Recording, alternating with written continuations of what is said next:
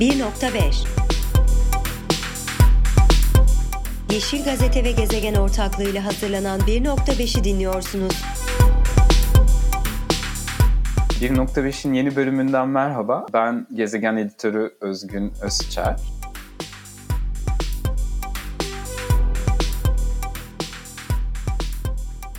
Bir süredir günlük yaşantımıza neşe ve keyif katan bir konuyu gündeme almak istiyorduk 1.5'te. Savaş, enflasyon, ekolojik yıkımlar derken ekolojiye dair bir podcast hızla sadece negatif içeriklere odaklı bir yayın haline gelebiliyor. Bahar'ın da yaklaşmasıyla bu hafta e, bisikletle ulaşım üzerine konuşmaya karar verdik. Konuğumuz ise gazeteci, teyitçi, radyocu, podcastçi Seçil Türkan.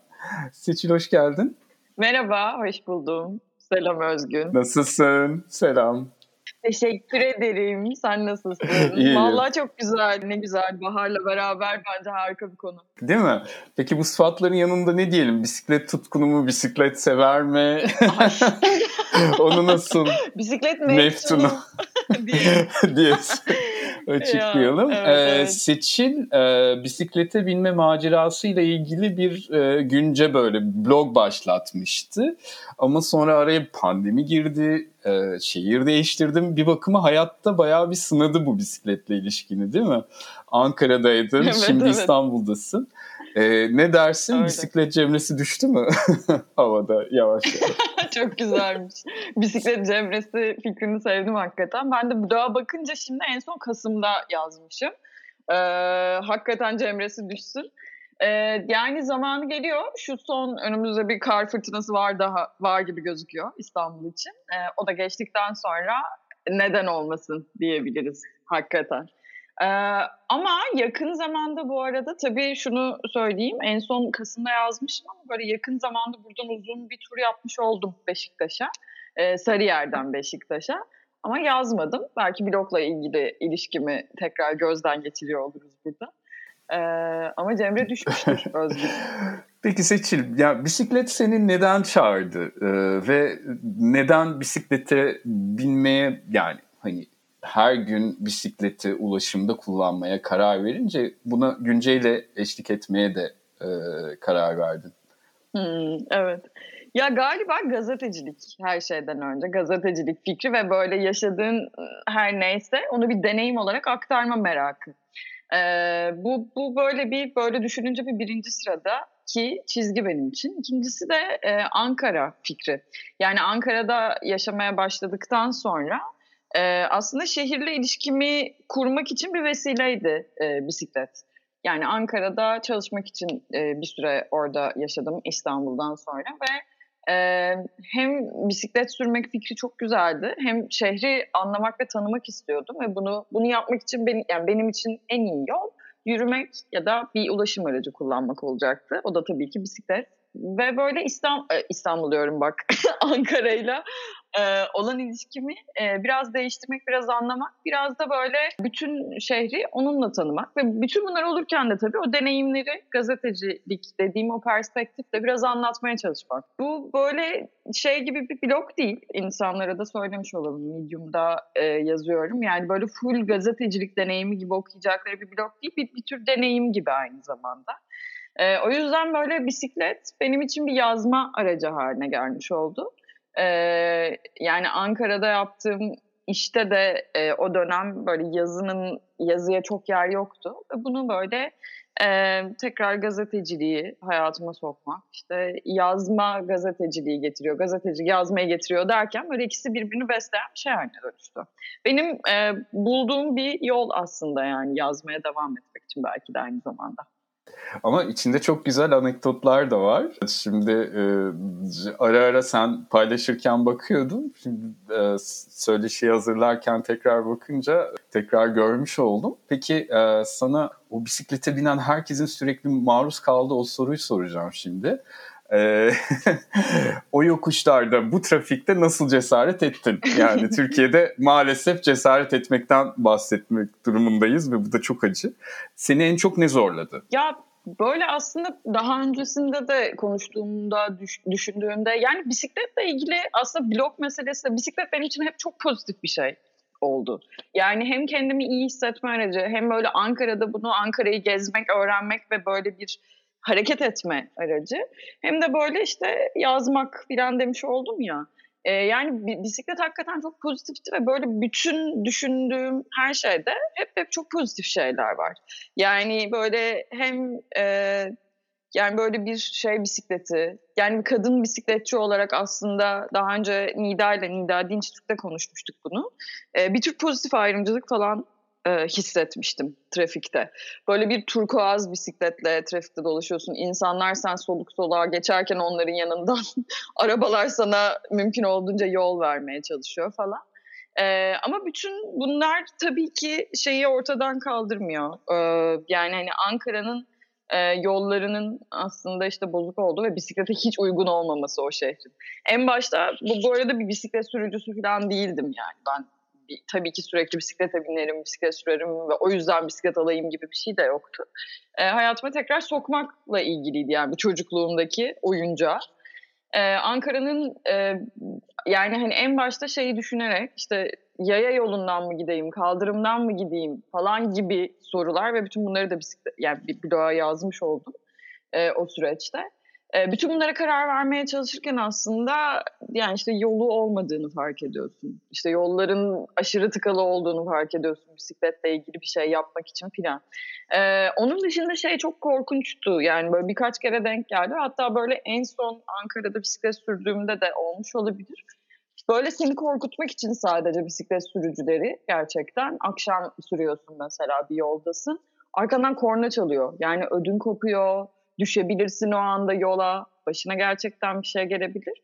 Yani bilmiyorum e, tabii ki kadın olduğun için ve sana laf atmak için yani laf atmanın bir aracı olarak kornayı kullanmak mesela. E, yani bunlar böyle hani benim pozitif her şeyin yanında yaşadığım böyle garip garip Türkiye'de her kadının yaşadığı e, o, o saçma e, anlardı. Ama bunların gerçekten galiba e, bisikletle aramda olan o ilişkiyi bozmasına izin vermemeye çalıştım mümkün olduğunca. Bir de belki burada şeyden bahsetmek lazım. Yani benimkisi bir blog. E, aynı zamanda böyle insanların tepkileriyle beraber hissettiğimde hissettiğim şey ilham verici olabildiği zaman zaman. Tam da bu sebeple. E, insanların heyecanlandığı ve ben de bisiklete bisiklete başladım falan diyen arkadaşlarım oldu. Yani bu, bu şahane bir şey. Ama mesela Umut'a Ses Ol diye bir kampanya var şimdi Ankara'da devam eden. Ee, Twitter kampanyası bir tane. Çünkü 20 yaşındaki Umut e, Temmuz 2020'de bir trafik kazası geçiriyor bisikletliyken. E, ve bir sürücü arkasından yani hızlı giden alkollü bir sürücü ona çarpıyor ve hayatını kaybediyor. Ee, aslında bu bu kampanyanın bize gösterdiği ve bu kampanyanın destekçilerinin de bize gösterdiği şey e, sürücü e, yani hani bisikletli ölümlerinde e, cezaların caydırıcı olmamasına dair bir şey. E, sürücü 4 ay hapiste kalmış e, ve sonrasında çıkmış. Ee, ve sadece 4 ay birini öldürmenin karşılığı. Yani dava devam ediyor ve davanın detaylarını bilmiyorum şu an yanlış bir bilgi vermek istemem ama e, böyle bir kampanyanın varlığının e, bize söylediği şey aslında bisikletli ölümlerinde bir, bir tür e, cezanın caydırıcı olmaması meselesi. E, dolayısıyla böyle hani e, işte bunu eğlenmek için de kullanıyorsanız, işte ulaşım için de kullanıyorsanız ya da X ne için kullanıyorsanız kullanın. E, aslında yani can güvenliğinizle ilgili bütün e, şeyleri siz kendiniz sağlamış oluyorsunuz. Yani Türkiye'de maalesef ister istemez bir tür cesaret meselesine dönüşüyor bisiklet sürmek sürekli tetikte ve sürekli dikkatli olmayı gerektiriyor bir yandan da. Peki yani hani bunları söyledikten sonra ideal bir şehirde bisiklet kullanabilseydin sana nasıl bir özgürlük tanıyacağını düşünüyorsun? Ne hissettin? Yani hani koşullar ideal olsaydı da ben bu hani günlük bisiklet kullanımını da e, çok daha hani bu sorunlar olmadan ya, yapabilseydim şu şu şu nedenle harika olurdu dediğin neler mesela? Gerçekten daha fazla kullanırdım bence. Çünkü yani İstanbul'a geldiğimde de bisiklet sürmeyi işte ya da sürmemeyi ben seçtim ve bunu bir eğlence haline dönüştürüyorum dediğim gibi kendim için. Yani bir ulaşım aracı ve işte Sarıyer'den Beşiktaş'a gittiğim zaman falan da işte bunun dönüşünü kesin başaramam o zaman vapurla döneyim falan diyorum. Ee, ama yani hani bütün bunların dışında günlük hayatta kullanmak biraz daha kolay olsaydı işte alıyorsun yanına, işte metroya biniyorsun, başka bir olay asansörle taşımak zorundasın bilmem ne falan. Ama bütün bunların dışında yani yollarda daha güvenli hissediyor olsaydım kesinlikle daha çok olurdu hayatımda. Ve bu yani aynı zamanda hani benim gibi bisikleti yazı aracı olarak kullanan biri için de belki daha fazla yazıyor olmak, e, bu konu hakkında daha fazla konuşuyor olmak ve e, yani daha fazla insanla da insanla da bu bisiklet ilişkisini kurmak, geliştirmek gibi bir manaya gelebilirdi. E, dolayısıyla e, yani kuşkusuz e, hani buna verebileceğim tek cevap hayatımda çok daha fazla olurdu ya dair bir şey söylemek. Bu arada günce, senin güncende aktarmış olabileceğin ya da aktarmamış olabileceğin bir anekdot var mı? Ee, öne çıkan hani Türkiye'de bisiklet kullanmayı bir bakıma özetleyen demeyelim ama yansıtan bir e, anekdot olarak sorsam hangisi aklına gelir? Yani şey böyle galiba böyle çok net bir şey varsa aklımda yazıyor oluyorum. Ama böyle bisiklet yollarının yollarına dair konuşmak bir şey olabilir e, belki burada. E, örneğin işte Ankara'da da böyleydi. İşte Ankara'da bir bisiklet yolunun açılmasının haber değeri vardı yani. Ve hani, hakikaten evet. haber oldu. Var tabii. E, Bu arada. E, ve evet var. evet evet yani hani bunu aşağıladığım için söylüyorum. tabii ki var. Bana da ilginç ee, geldi şu an yani gerçekten. ee, haber, evet evet bu bir haber, haber olarak değeri. okunur gibi geldi. evet evet. Ee, ve e, yani o bisiklet yoluna gittiğinde gerçekten gidiyorsun ve temsili gibi bir şey hissediyorsun. Yani böyle hani senin küçücük bir ya minyatür falan var ya böyle İstanbul'da evet. hani her şeyin minyatür hali. Yani ya da böyle hani bir tür 23 Nisan koltuğuna oturmuşsun gibi. Gerçekten temsilden ibaret yani. yani böyle gidiyorsun ve yol bitti o zaman ben döneyim diyorsun falan. Böyle hani hakikaten böyle bir şeyi var ve yani İstanbul'da da aynı şey var yolda gidiyorsun. Yani gerçekten e, sahil şeritlerinin bazılarında e, var bisiklet yolu. E, ve İstanbul'da 144 kilometre akıllı bisiklet yolu varmış e, İBB'nin verilerine göre. Böyle aralıklarla o yolun mesela devam ederken çat diye bittiğini fark ediyorsun. Gidiyorsun gidiyorsun sonra böyle bir kaldırım çıkıyor. Ansızın. Alakasız. evet evet böyle saçma sapan bir kaldırım. Yolun Peki, sonuna geliniyor. Geçeyim evet böyle bölüm sonu canavarı senin için. Oldu o zaman buradan inip devam edeyim falan diyorsun. Ee, yani zaten hani bir süre sonra İstanbul'dayken ben şeyi hiç düşünmedim yani nerede bisiklet yolu vardır oradan gideyim. yani olmadığı gibi bir kabulle devam ediyorsun zaten hayatın ama görmek iyi geliyor mesela. E, dolayısıyla böyle bu hani bisiklet yolları meselesi e, sanırım zamanla olacak bir şey. Ama bir yandan da şöyle bir şey olmuş. E, örneğin İstanbul'un ilk e, bisiklet yolu planı 2006 yılında hazırlanmış. Aslında bayağı zaman olmuş yani düşündüğümüzde. Ee, yani 10 yıldan fazla bir zaman ama böyle hani yeni yeni hayatımıza girdiğini fark ediyoruz bu bisiklet yolları meselesini yani zaten işte iyi şeyler oluyordur herhalde ama olmaya devam edecek. Henüz gerisindeyiz tespitine. Gerek var mı bilmiyorum. zaten herkes. yeni yeni oluyor ve yavaş yavaş oluyor. Tabii bu süre zarfında İstanbul'da da akıllı bisiklet yolundan bahsettim. Bir de akıllı bisikletlerin kendileri çıktı. Ee, ben de buraya ufak bir e, parantez açmak istiyorum e, kendi deneyimime göre. Bu bisiklet kiralama sistemi Avrupa'da ilk kez benim üniversiteye gittiğim şehirde işte Fransa'nın Lyon kentinde ben üniversitedeyken uygulanmıştı. 2005 2004 ya da 2005 olması lazım. Ee, Fransa tabii Hollanda ve Danimarka gibi değil. Hani ulaşımda bisikleti pek tercih etmiyor Fransızlar. Ee, ama kısa sürede çok tutmuştu. Yani şehir de çok uygundu buna göre. Orta ölçekli bir şehirde e, şehir içi trafiği görece azdı. E, şehirde 2-3 tane tepede olan mahalle olsa da bir kısmı büyük kısmı bayağı düzlükteydi. Ee, ayrıca bisiklet bu akıllı bisiklet duraklarını da e, toplu ulaşım duraklarıyla çok iyi entegre ettiler vesaire. E, derken sonra Paris'te uygulandı. Fakat uygulanır uygulanmaz hemen bazı eksiklikler hissedildi. İşte bahsettiğimiz gibi yani önce akıllı bisiklet sistemi geldi. Sonra baktılar ki ya yollarda yeterince bisiklet şeridi yok. Onu gördüler. Onu zamanla e, düzelttiler. İşte insanlar kask takamıyor. Kask takamadığı için de e, bir bakıma yani güvenliklerini sağlaması gerekiyor belediyenin. E, Hani muhtemelen orada e, sigorta yani şu söyleşi için incelemedim ama bunun da incelenmesi lazım. Yani hani kaza olursa sigortalar e, sigorta nerede devreye gidiyor, ne ne kadar kimin sorumluluğunda vesaire. Bu arada Türkiye'de de akıllı bisiklet sistemi ilk kez 2010'da Kayseri'de uygulanmış. E, maalesef biz gazetecilerin pek radarında olmayan bir şehir Kayseri. E, Kayserili bir tanıdığım demişti çok tuttuğunu orada. Yani Kayseri'de orta ölçekli bir şehir. Hani görece en azından şehir merkezi düzlükte düzlük olduğu için e, hani çok tercih edildiğini söylüyordu bir tanıdığım. Velhasıl e, şimdi bütün bu e, olumsuz şeyleri dile getirdik. Yani İstanbul'da böyle bir uygulamayı nasıl görüyorsun? Yani sonuçta halka bir ulaşım hizmeti sunuluyor. Bir taraftan e, güvenli bir şekilde yapılması için bahsettiğim gibi yolların ve imkanların sağlanması lazım ve e, yani böyle bir talep var bisiklete yönelik ya yani bisikletli ulaşıma yönelik ama o talebi şehir içi ulaşım planlamasının bir öğesine dönüştürecek irade pek sergilenmiyor. Yani sadece ticari kar sağlayacak boyutuyla şehre entegre ediliyor ama e, diğer kısımlar yani son bir çok uzattım soruyu ama son bir örnek daha vereceğim. Senin de bildiğin bir güzergah çünkü. E, Kemeraltı Caddesi bu e, sen uzun süre Tophane'de Açık Radyo'da çalıştın. E, ben de oraya yakın oturuyorum. E, geçen sene kaldırımlar baştan yapıldı. İşte ondan sonra Galata Port inşaatı nedeniyle e, o cephedeki kaldırımlar tekrar yapıldı. E şimdi Kabataş'ta e, vapur iskelesi, vap, yeni vapur limanı daha doğrusu yapılıyor. Metro durağı yapılıyor. Yani sürekli bir kaldırım ve yol çalışması var.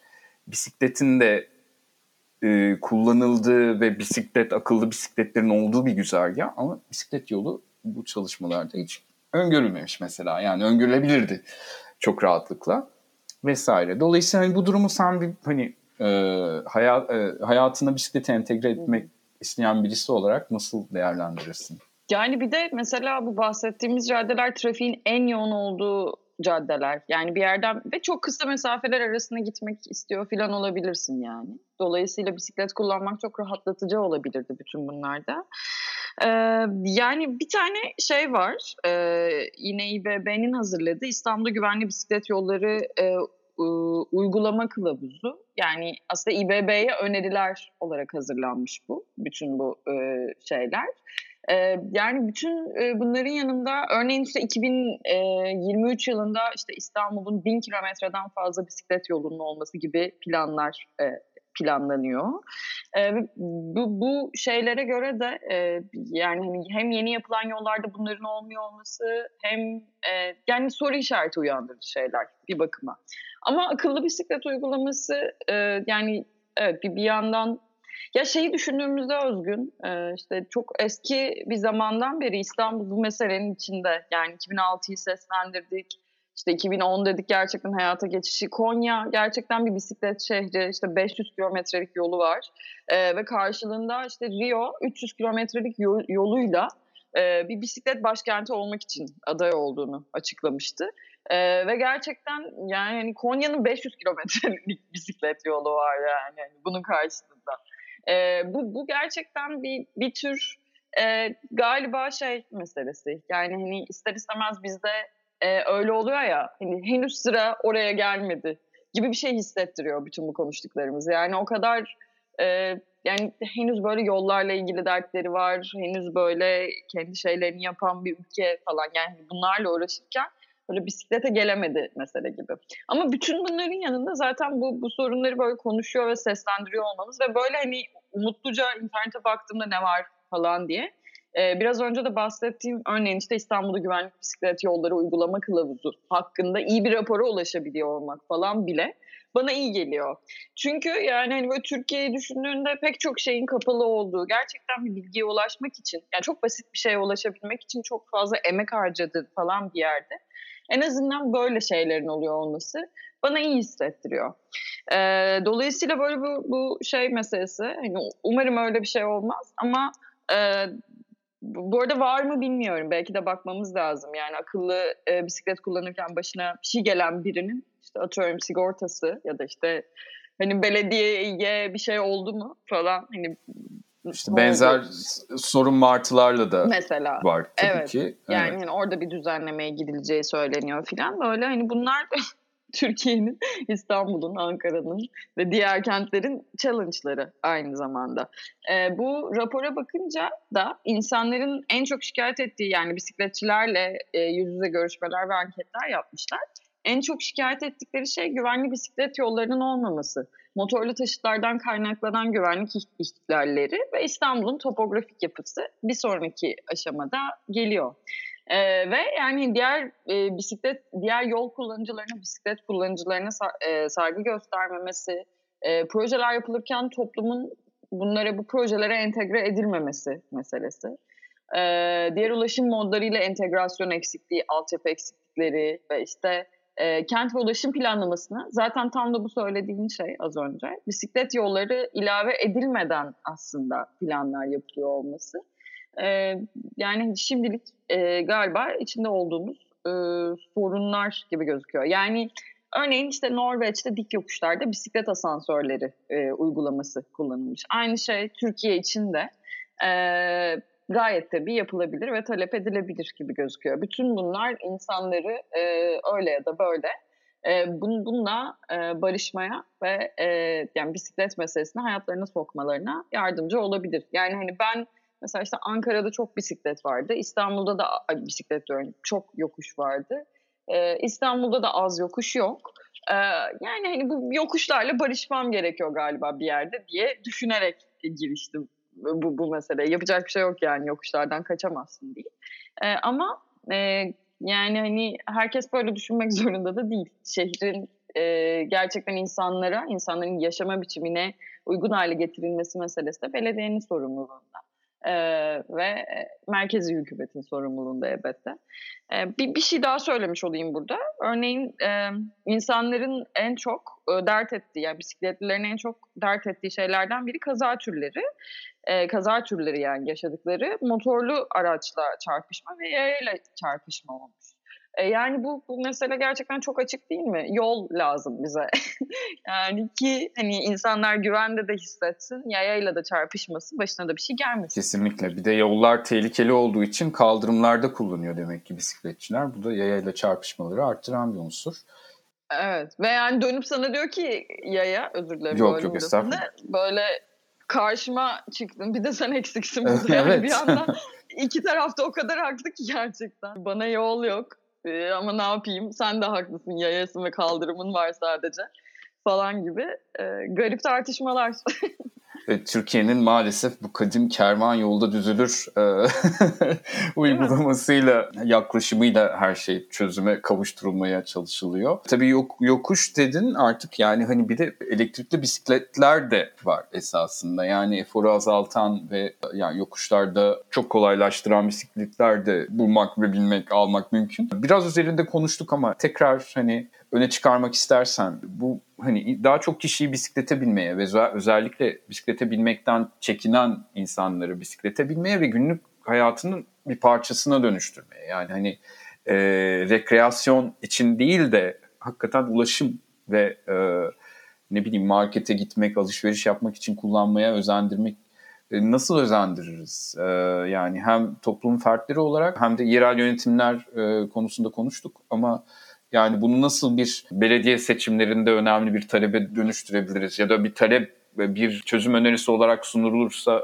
nasıl hani ilginin artması için gazeteciler neler yapabilir? Ya da ne bileyim hani aklına gelen böyle birkaç şey var mı? Yani kent planlarında, ulaşım planlarında politika belirlenirken zaten ister istemez bunu yerel yönetici yani yerel yönetimlerin e, bisiklet meselesini, bisiklet planlarını e, yani ulaşım planlarının içine dahil edilmesi bir şart. E, bu bu galiba işte hani ister istemez yine e, bizlerin zaten itelemesiyle, bizlerin talepleriyle mümkün olabilecek bir şey gibi gözüküyor. Ee, bisiklet e, kullanıcılarının yani bir politika önerisi olarak yine e, yani bu işte Umut'a Ses Ol kampanyası meselesinden bahsettik. E, bisiklet kullanıcılarını e, bilgilendirmek amacıyla bunun için yapılan kanunlarda bisiklet ve kullanıcılarıyla yani bisiklet ve kullanıcıların e, aslında haklarının genişletilmesi e, ve bu yenilerinin de ortaya çıkarılması gerekiyor. Yani hani bu, bu, bu konuda işte belki cezai yaptırım ya da bilmiyorum onunla ilgili kararı hukukçular tartışabilir ama işte cezai yaptırımsa cezai yaptırım işte bu, bu konuda bir e, doğru düzgün bir yasal düzenleme yapılması gerekiyor gibi görünüyor. E, bisiklet ağı kurulması gerekiyor belki de. Yani hani bu yolların birbirine bağlanmasına dair bir şey gerekiyor ki insanlar gerçekten semt de değiştirebilir hale gelsinler. Çünkü İstanbul'un böyle baş edilmez bir trafiği de oldu aynı zamanda. E, iklim krizi meselesi zaten kapıdayken buna dair politika geliştirecek olanlar yerel yönetimler. Bunu masadan kaldırmıyor olmak gerekiyor. Dolayısıyla bunu talep etmekten vazgeçmemek bir şey.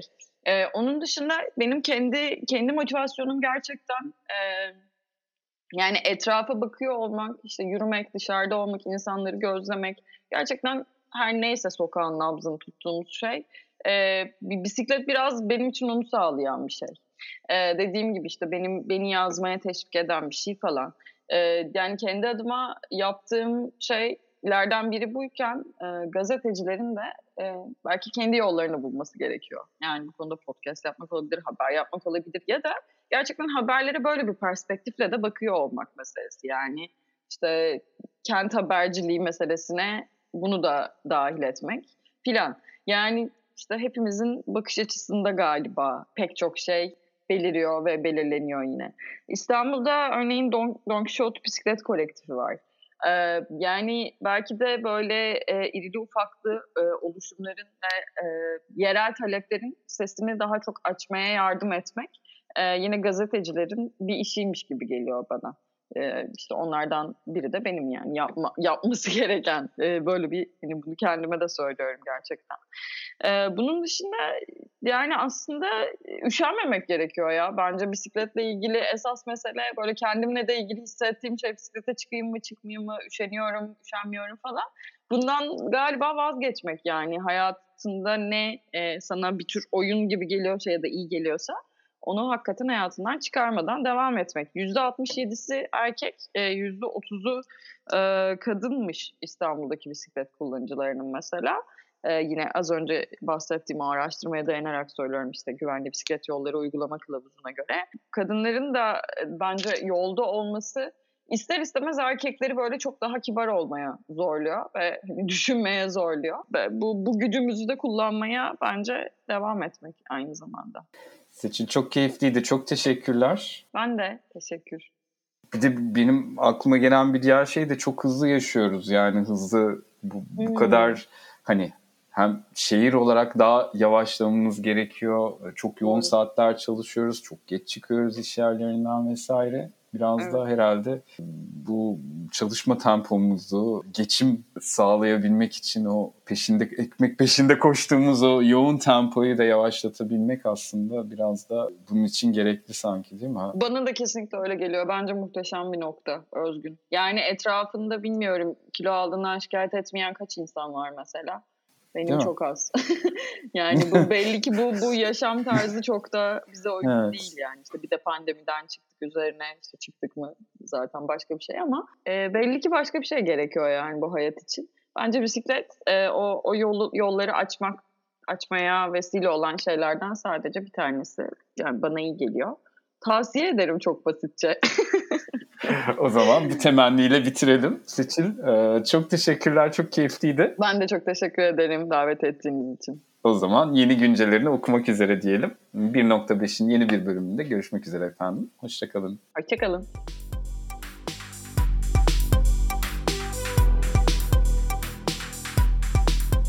Podfresh teknik altyapısıyla hazırlanan 1.5'i dinlediniz.